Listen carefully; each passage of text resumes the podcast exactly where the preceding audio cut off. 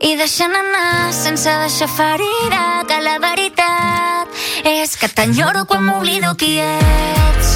Et busco si esborro tot Dus el color de l'abril tatuat a la pell.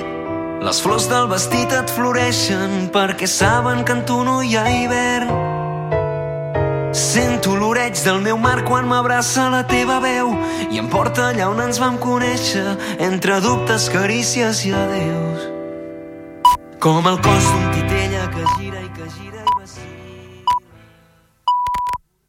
És la una del migdia.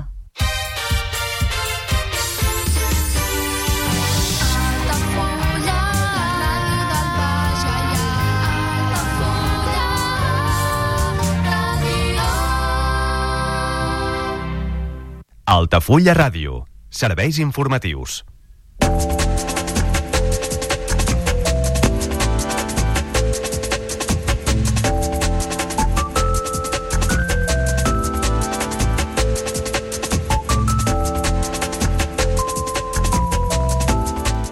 La Generalitat declara no urbanitzables sectors urbanístics d'Altafulla on es podien haver construït més de 300 habitatges. És un dels set municipis del Tarragonès i els dels 22 de tota la demarcació afectats pel nou pla director urbanístic que pretén minvar la pressió urbanística del litoral català. A s'acollirà el nou decret llei per regular els apartaments d'ús turístic a la vila, tot i no estar-hi obligada. Segons el consistori, cal prioritzar l'ús residencial de l'habitatge i es té en compte que ja hi ha una oferta àmplia d'allotjaments turístics a la vila. Altafulla dona la benvinguda a un grup de 17 joves no acompanyats que comencen a formar-se per integrar-se a la vila. Els joves estan aprenent la llengua, han tingut també un primer coneixement de les normes de convivència a la vila i gaudeixen d'activitat esportiva. I aquest divendres l'Ajuntament d'Altafulla acull un ple extraordinari per aprovar els pressupostos municipals. A la sessió també es tractarà una modificació de crèdit per la reparació de la llar d'infants Hort de Pau i una modificació a l'ordenança fiscal de l'Escola de Música. A Torredembarra l'Ajuntament estrena un nou portal web. L'eix bàsic és l'espai per les notícies, l'agenda, la informació més destacada i els serveis que presta el consistori organitzats per temàtiques. I el govern català rebutja la interconnexió de les xarxes del Consorci d'Aigües de Tarragona i el del Ter Llobregat. El conseller d'Acció Climàtica, David Mascort, ha reiterat que per ara la solució és estalviar al màxim l'aigua que es pugui. I una vintena d'infermers fan una xiulada davant de l'Hospital Joan 23 de Tarragona per reclamar millores salarials. Durant aquesta setmana el col·lectiu ha fet dues jornades de vaga a nivell català amb diferents manifestacions i protestes. Bona actuació de la base dels atletes d'Altafulla, l'exitós primer cross de l'escola Antoni Roig de Torredembarra. L'entitat ja ha pres part en aquesta organització en una jornada en què Emma i Marc Vendrell han estat primera i tercera en les categories infantil i cadet respectivament.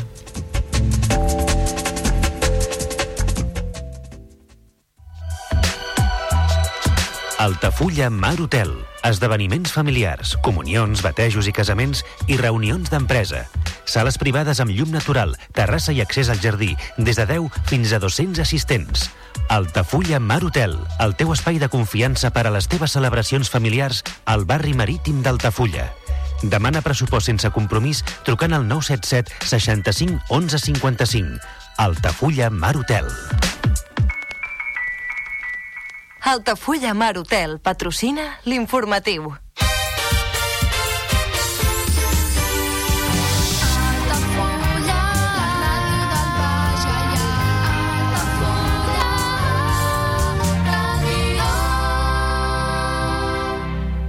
Altafulla Ràdio. Notícies.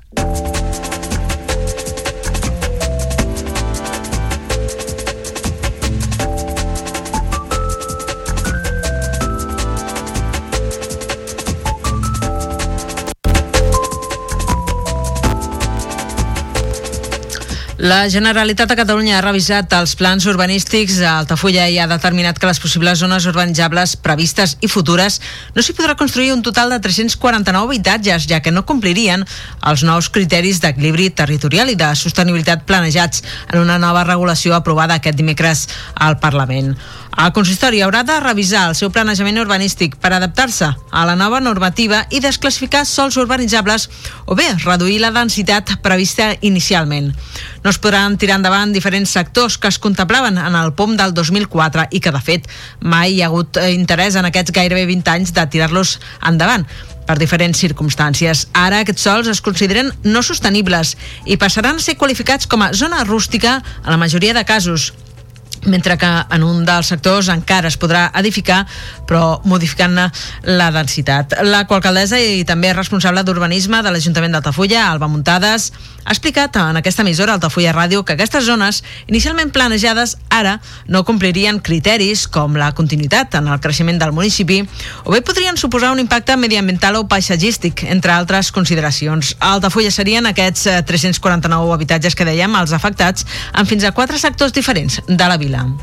Dels sectors urbanístics que no s'havien desenvolupat, doncs la Generalitat n'ha fet un estudi de, de viabilitat i sobre els nous criteris també de densitat i de sostenibilitat urbanística i també ambiental. I dels, dels que hi havia a Altafulla doncs són tres diria els que estan no, tres o quatre els, els que estan desclassificats que vol dir que passaran automàticament a ser sol rústic no, no urbanitzable quan fins ara es podrien urbanitzats els sectors afectats per aquest nou eh, pla director urbanístic de la Generalitat serien un que se situa a Brises del Mar, que ja no es desenvoluparà, i també uns altres a la zona dels Munts. Igualment caldrà revisar, com dèiem, la densitat d'un sector ubicat entre el camp de futbol i la via del tren, que encara mantindria la condició d'urbanitzable, però amb densitats més coherents amb la planificació urbanística de la vila. Un està situat a Brises del Mar, que estava prevista una gran ampliació cap, a, cap al nord, i uh, aquest, doncs, aquest sector es considera que no és sostenible i es, es desclassifica i també els altres estan situats a, a la zona de, dels munts fins, fins a arribar a la, a la via del tren. Tota aquella zona també, a aquest pla de, de, de la Generalitat més amb la voluntat de protegir el, el front litoral, també, eh, més eh, sostenible i també amb valors ambientals, i per tant el, els sectors que estaven encara no, desem no desenvolupats a la part dels munts doncs queden també desclassificats i ja no, no, no s'hi podrà construir. Els sectors eh, afectats, eh, com dèiem, són aquests que relatava muntades, que ha apuntat també que per poder aplicar el pla director urbanístic caldrà ara modificar el pla d'ordenació urbanística municipal, el POM, un document que hauria quedat desfassat tenint en compte, tenint en compte els canvis urbanístics que hi ha hagut en els últims 20 anys. Igualment s'explica que àmbits com Safranàs o la Cabana queden fora d'aquesta regulació perquè en el seu dia ja es van adequar les noves normatives i criteris de sostenibilitat vigents. La revisió dels plans urbanístics urbanístics en la qual se sustenta aquest eh, PDU s'ha fet arreu de l'extensió del territori català amb especial incidència al litoral i afecta a set municipis del Tarragonès. Hi ha un total de 22 de la demarcació de Tarragona, a més d'altres comarques, des de Malgrat de Mar fins al sud del país. Destaquen a la nostra contornada el cas de Creixell, a més de 3.800 construccions potencials suspeses, o Torredembarra, més de 1.700. També Roda de Barà, amb més de 600 habitatges nous que es podrien aixecar i que ara s'impedeix construir. Roda de Barà, doncs, també ha quedat afectada per aquesta mesura.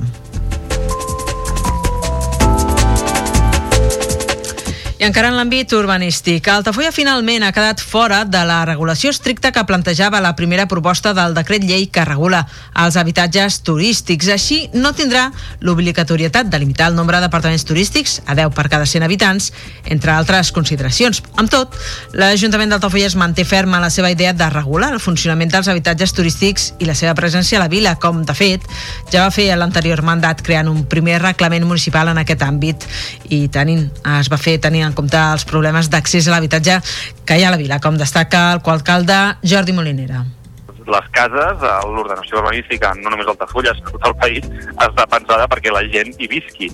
I Altafulla és, crec que és evident que, que hi ha problemes de, d'accés a l'habitatge per viure-hi, perquè hi visqui la gent que treballa aquí, la gent que són doncs, eh, professors, que són metges, que són treballadors del propi sector turístic, etc etc. No? Per tant, doncs, eh, com a Ajuntament, el que volem és, i segurament es debatrà amb, els altres, amb tots els grups municipals del, del ple, doncs, eh, com fem aquest reglament, aquesta modificació del planejament urbanístic, que faci que Altafulla entri doncs, en les competències que permet el, el decret llei de regular els usos de, dels habitatges turístics.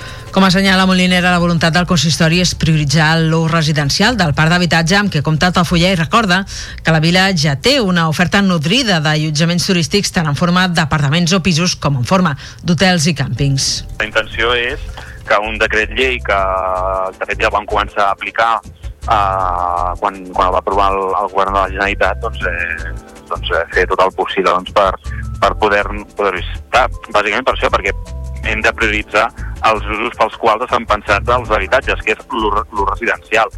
Si diguéssim, és que a Altafulla no hi ha cap habitatge d'ús turístic. Bueno, doncs, eh, potser podríem ser més podríem actuar d'una altra manera, però és que Altafulla ja hi ha mm, més de 300 habitatges eh, d'usos turístics en un municipi on ja tenim doncs, bastants hotels, eh, dos càmpings de dimensions considerables, per tant doncs, donem molt, molt, molt, molt espai a habitatges o, o equipaments d'usos turístics. La regulació dels habitatges turístics haurà d'incloure's en el futur nou POM de, de la vila s'haurà de consensuar amb els diferents grups polítics del consistori.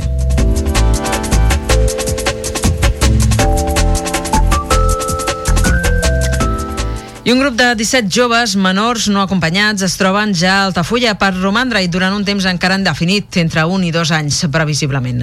Es tracta d'immigrants que han fugit dels seus països d'origen i han arribat a la península procedents principalment de Senegal, Gàmbia, Algèria o Marroc i que ara inicien una nova vida aquí, en el marc d'un pla d'acollida que es gestiona des de la Generalitat de Catalunya i que compta amb el suport humà i material del Consell Comarcal del Tarragonès, en el cas d'Altafulla. Representants d'aquestes administracions, així com també del mateix Ajuntament d'Altafulla i tècnics i dinamitzadors, els han donat la benvinguda a la vila aquest dijous i els han començat a explicar quines normes de convivència hi ha, com s'organitza el municipi i com podran integrar-se en aquest.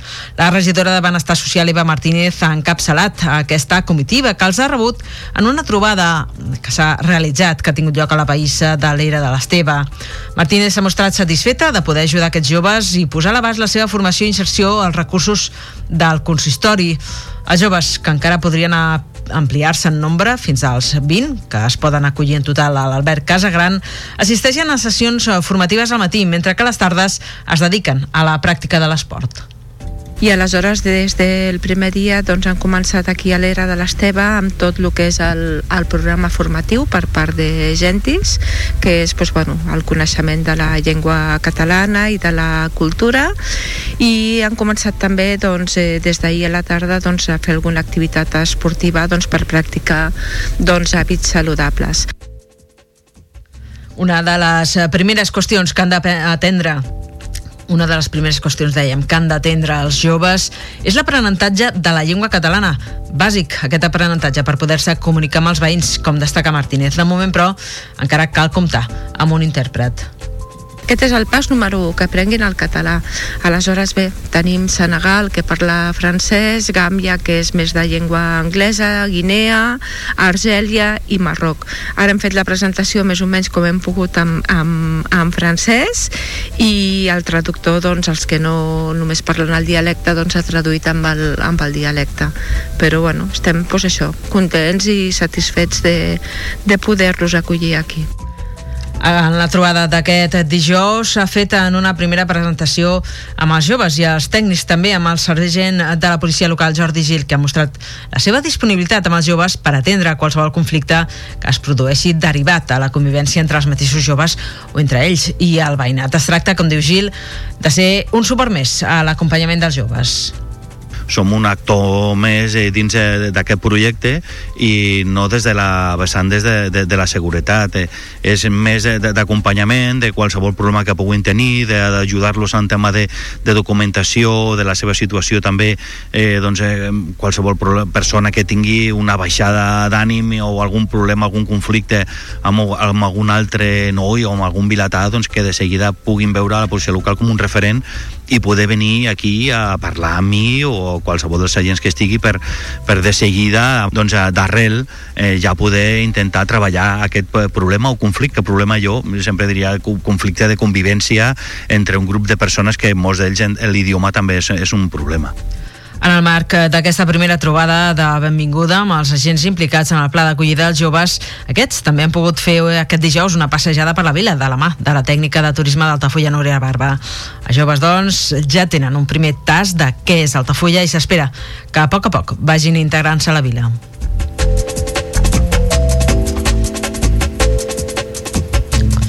I aquest divendres, a les 12 del migdia, té lloc l'última sessió plenària d'aquest 2023 amb tan sols 3 punts a l'ordre del dia. Es tracta d'una sessió extraordinària que ha de permetre aprovar els comptes municipals per l'any 2024, que sumen un total de 10,8 milions d'euros. És el punt de l'ordre del dia més destacat d'aquest ple. D'aquesta manera, es pretén començar l'any amb el pressupost del dia per poder fer funcionar l'engranatge del consistori normalitat i amb les partides corresponents nodrides de manera adequada per desenvolupar les tasques de cada àrea. Els plantejaments de futur també seran presents en l'aprovació inicial de la modificació de l'ordenança fiscal de l'Escola de Música, per la qual es determinen els preus pel 2024 de les diferents disciplines que s'imparteixen al centre.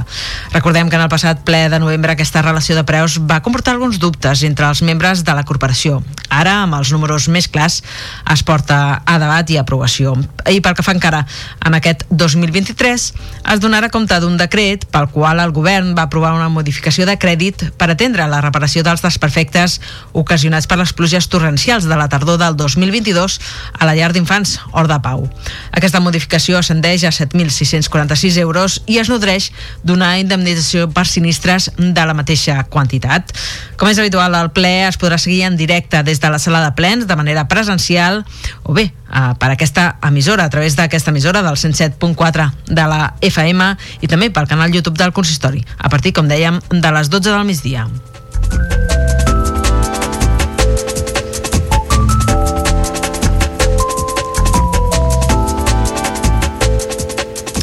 Anem ara cap a Torredembarra perquè l'Ajuntament ha estrenat finalment un nou portal web amb la voluntat de deixar enrere una pàgina que havia quedat totalment obsoleta i poc, molt poc útil i donar protagonisme així doncs, a les notícies del municipi, a l'agenda i a informació de servei. Des de la regidoria de Govern Obert i Comunicació s'ha explicat que es tracta d'una nova pàgina web més actual, visual i intuïtiva i s'ha ressaltat que és una peça clau el procés de millorar de la comunicació municipal. Ens diuen eh, des de l'Ajuntament que aquest espai web s'ha de convertir en una porta oberta per a la ciutadania a l'activitat que desenvolupa l'Ajuntament. L'eix bàsic d'aquest web és l'espai per a les notícies, l'agenda, la informació més destacada i els serveis que presta el consistori, organitzats per temàtiques.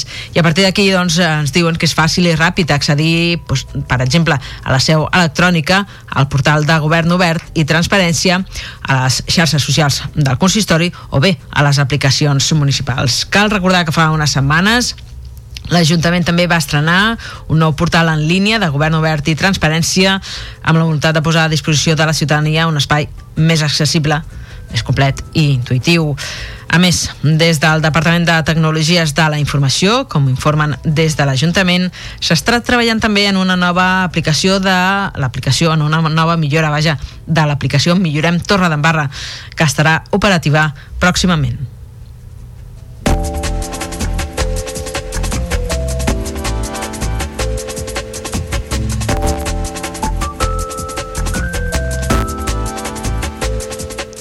Moment ara de fer una petita pausa per la publicitat. Tornem eh, de seguida amb més informació de la resta del Camp de Tarragona, també la informació esportiva del dia. Fins ara.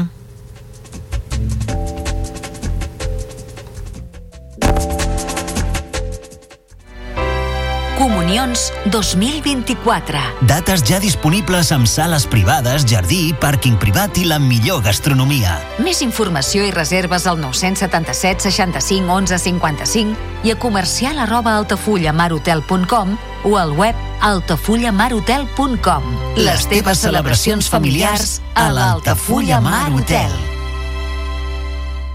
Ja coneixes les propostes que t'ofereix el Club Marítim Altafulla? Vine i descobreix totes les nostres activitats. Sortides en caiac o pa del surf, cursos de vela per a totes les edats. No t'ho perdis i gaudeix d'un dels esports més segurs d'aquest any. Club Marítim Altafulla. Obert tot l'any i per a tothom.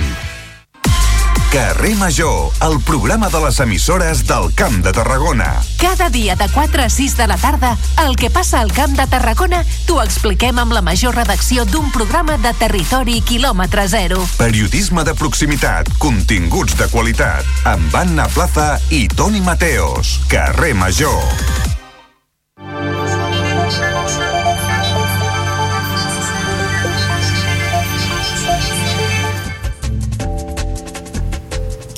Reprenem l'informatiu d'aquest eh, dijous 21 de desembre del 2023 amb una informació referent a la situació de sequera que viu el país. I és que el conseller d'Acció Climàtica, David Mascort, afirma que la interconnexió de les xarxes del Consorci d'Aigües de Tarragona i les xarxes del Consorci del Ter Llobregat, Aigües Ter Llobregat, no és la solució i referma que no hi haurà transvasament de l'Ebre per fer arribar aigua a l'àrea metropolitana de Barcelona, com s'estava parlant aquests últims dies. Mascort ho ha dit al Parlament en resposta a una pregunta del grup parlamentari de Junts. El conseller d'Acció Climàtica ha descartat així la proposta plantejada fa uns dies pel lobby de col·legis professionals d'interconnectar els dos grans sistemes hídrics del país per fer front a la sequera la interconnexió no és una solució.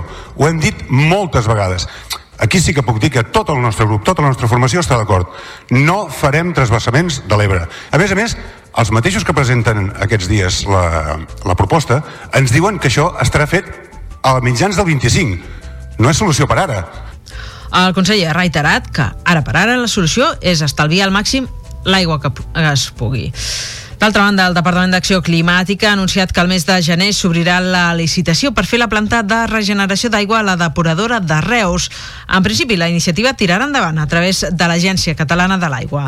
La previsió és que l'any vinent es redacti el projecte i que es puguin fer les obres al llarg del 2025. Aquesta és una de les reivindicacions que feia la comunitat de regants del pantà de Riu de Canyes per tal de tenir aigua pel conreu de les 4.000 hectàrees que abasteix. Actualment la depuradora de Reus desaprofita entre 5 i 6 hectòmetres cúbics d'aigua anuals que es podrien fer servir per regar si rebessin el tractament adequat.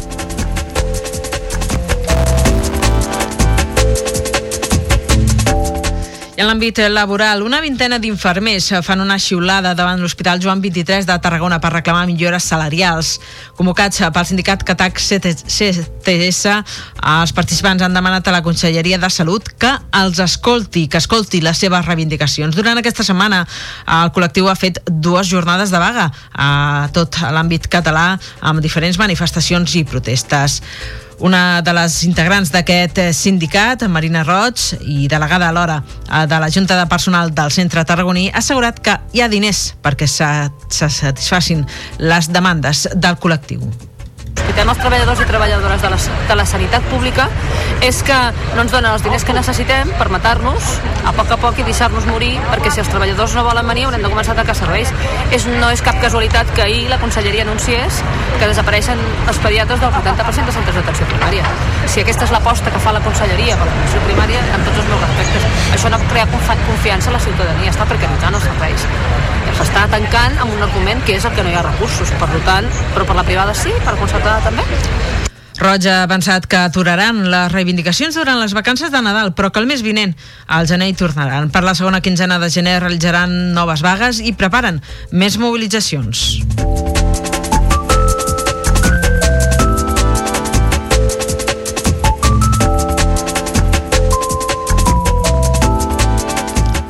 I obrim ara plana esportiva parlant-vos d'atletisme. I és que la base dels atletes d'Altafulla ha, estat, eh, ha participat al primer cross de l'escola Antoni Roig de Torre d'Embarra que es va celebrar aquest diumenge a la zona esportiva municipal. De fet, l'entitat en general hi ha estat present com a part important de l'organització del certamen. Una de les responsables de l'entitat, Elena Rodríguez, ha destacat l'èxit de la jornada i la voluntat de donar-li continuïtat molt bona experiència, molt bon cross. Era el primer cross que es feia a Torre d'Embarra, a, a iniciativa de l'Escola Antoni Rot. Molt voluntariat de les famílies i del professorat, que, que això sempre s'agraeix. L'organització una mica anava al càrrec als atletes d'Altafulla, que teníem l'experiència del cross del Roquissà, i també aportàvem doncs, tres, tres o quatre persones més tècniques de voluntariat i bueno, una mica la guia de, de com podíem organitzar uh, aquest cross. Um, la veritat és que el lloc ajudava molt perquè tota la sortida i l'arribada es feia a la part central de la zona esportiva de Torre d'Embarra. Pel que fa a les, als atletes, Rodríguez eh, també ha destacat l'alt índex de, de participants en un municipi en què l'atletisme està tan arrelat que té una entitat dedicada en aquesta disciplina i que ha estat al bressol de diversos esportistes d'alt nivell el que diem, el recorregut molt, molt xulo, la col·laboració de, de tothom mm, molt gran i, i, i molt bona experiència. Va sortir tot molt bé i esperem, esperem repetir perquè va ser un molt bon cross, molt disfrutat. Hi havia fora més de 700 alumnes de, de Torre d'Embarra que participaven de les tres escoles, també d'altres clubs, com sempre, de, en aquest circuit de, de crossos escolars del Tarragonès, eh, però molts, molts nous eh, atletes atletes que van poder conèixer aquesta prova esportiva dels crossos escolars gràcies a aquesta primera edició del Cross de Torre d'Emparna. Les atletes, eh, les germanes Emma i Mar Vendrell han estat les úniques eh, atletes eh, d'Altafolla que han participat en aquest certamen. La primera s'ha imposat a la prova infantil femení, completant el recorregut d'1,7 quilòmetres en 6 minuts i 27 segons. L'avantatge amb la segona classificada, Eva Ribes, de l'Escola de Treball de Valls, ha estat de 17 segons. I per la seva banda, Mar Vendrell ha pujat al tercer grau del podi de la prova cadet femení amb una marca de 6 minuts i 42 segons en el mateix circuit. S'ha quedat a un segon de la segona classificada, Jana Ortega, del Sagrat Cor, i a 5 de la guanyadora, Maria de la Cruz, del Nàstic. La següent cita dels atletes d'Altafulla ja serà el mes de gener. Concretament, diumenge dia 14 a Tarragona, en el marc del 13è Cross del Col·legi Mare Nostrum.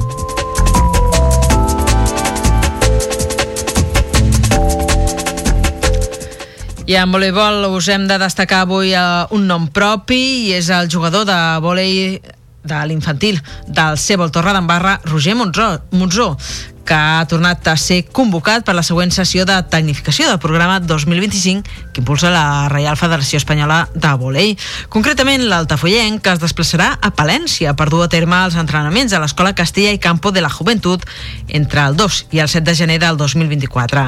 Monzó és un dels vuit esportistes catalans que han estat citats a la convocatòria entre la branca masculina i femenina. El seu equip, format per un total de 16 jugadors, compartirà l'experiència amb Aleix Bèrnia, Tiago i Àlex Posato del Sabadell i Cauan Rubio del Barça. La catalana és la delegació amb més representants, ja que els cinc esportistes de la branca masculina cal sumar-hi a les tres de la femenina, Júlia Roig i Caral Terrades del Premià de Dalt i Alicia Ojea, del Sant Cugat. Cal recordar que el programa 2025 culminarà amb la participació del combinat estatal al classificatori pel Campionat d'Europa de vòlei que tindrà lloc al gener del 2025. De moment, l'altafoienc Roger Monzó és un dels jugadors que té més números per assistir a la cita continental i ara té tot un any per certificar-ho amb el seu treball diari al seu Torre d'Embarra i les convocatòries que pugui obtenir per part de la Federació Catalana de Voleibol.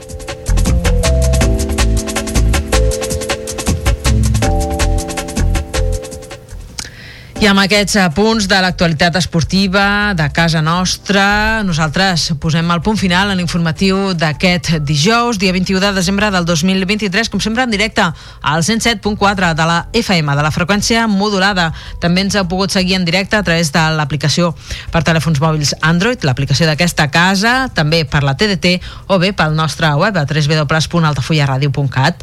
Igualment aquí ens podeu recuperar, podeu recuperar la gravació d'aquest informatiu així que ho desitgeu. Arnau. Les xarxes socials Facebook i Twitter amb el perfil d'Altafulla Ràdio estan actives per portar-vos l'última hora del que passi a casa nostra. Res més, des d'aquí, des dels estudis del carrer Marquès de Tamarit d'Altafulla, tot l'equip que fem possible aquest programa us saluda ben cordialment, en especial una servidora que us està parlant en aquests moments, la Caro Quota, que us envia una forta abraçada. Ens retrobem a les pròximes edicions de l'informatiu d'aquesta casa. Que vagi molt bé el dia. A reveure.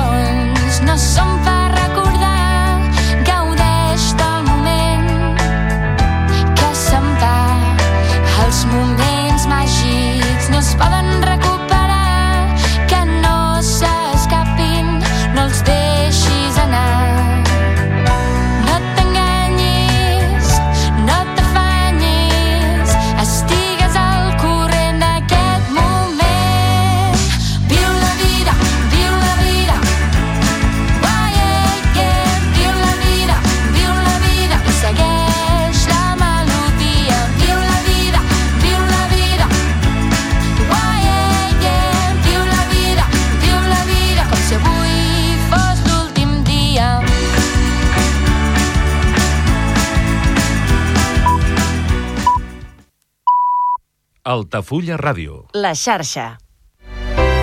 Comunions 2024. Dates ja disponibles amb sales privades, jardí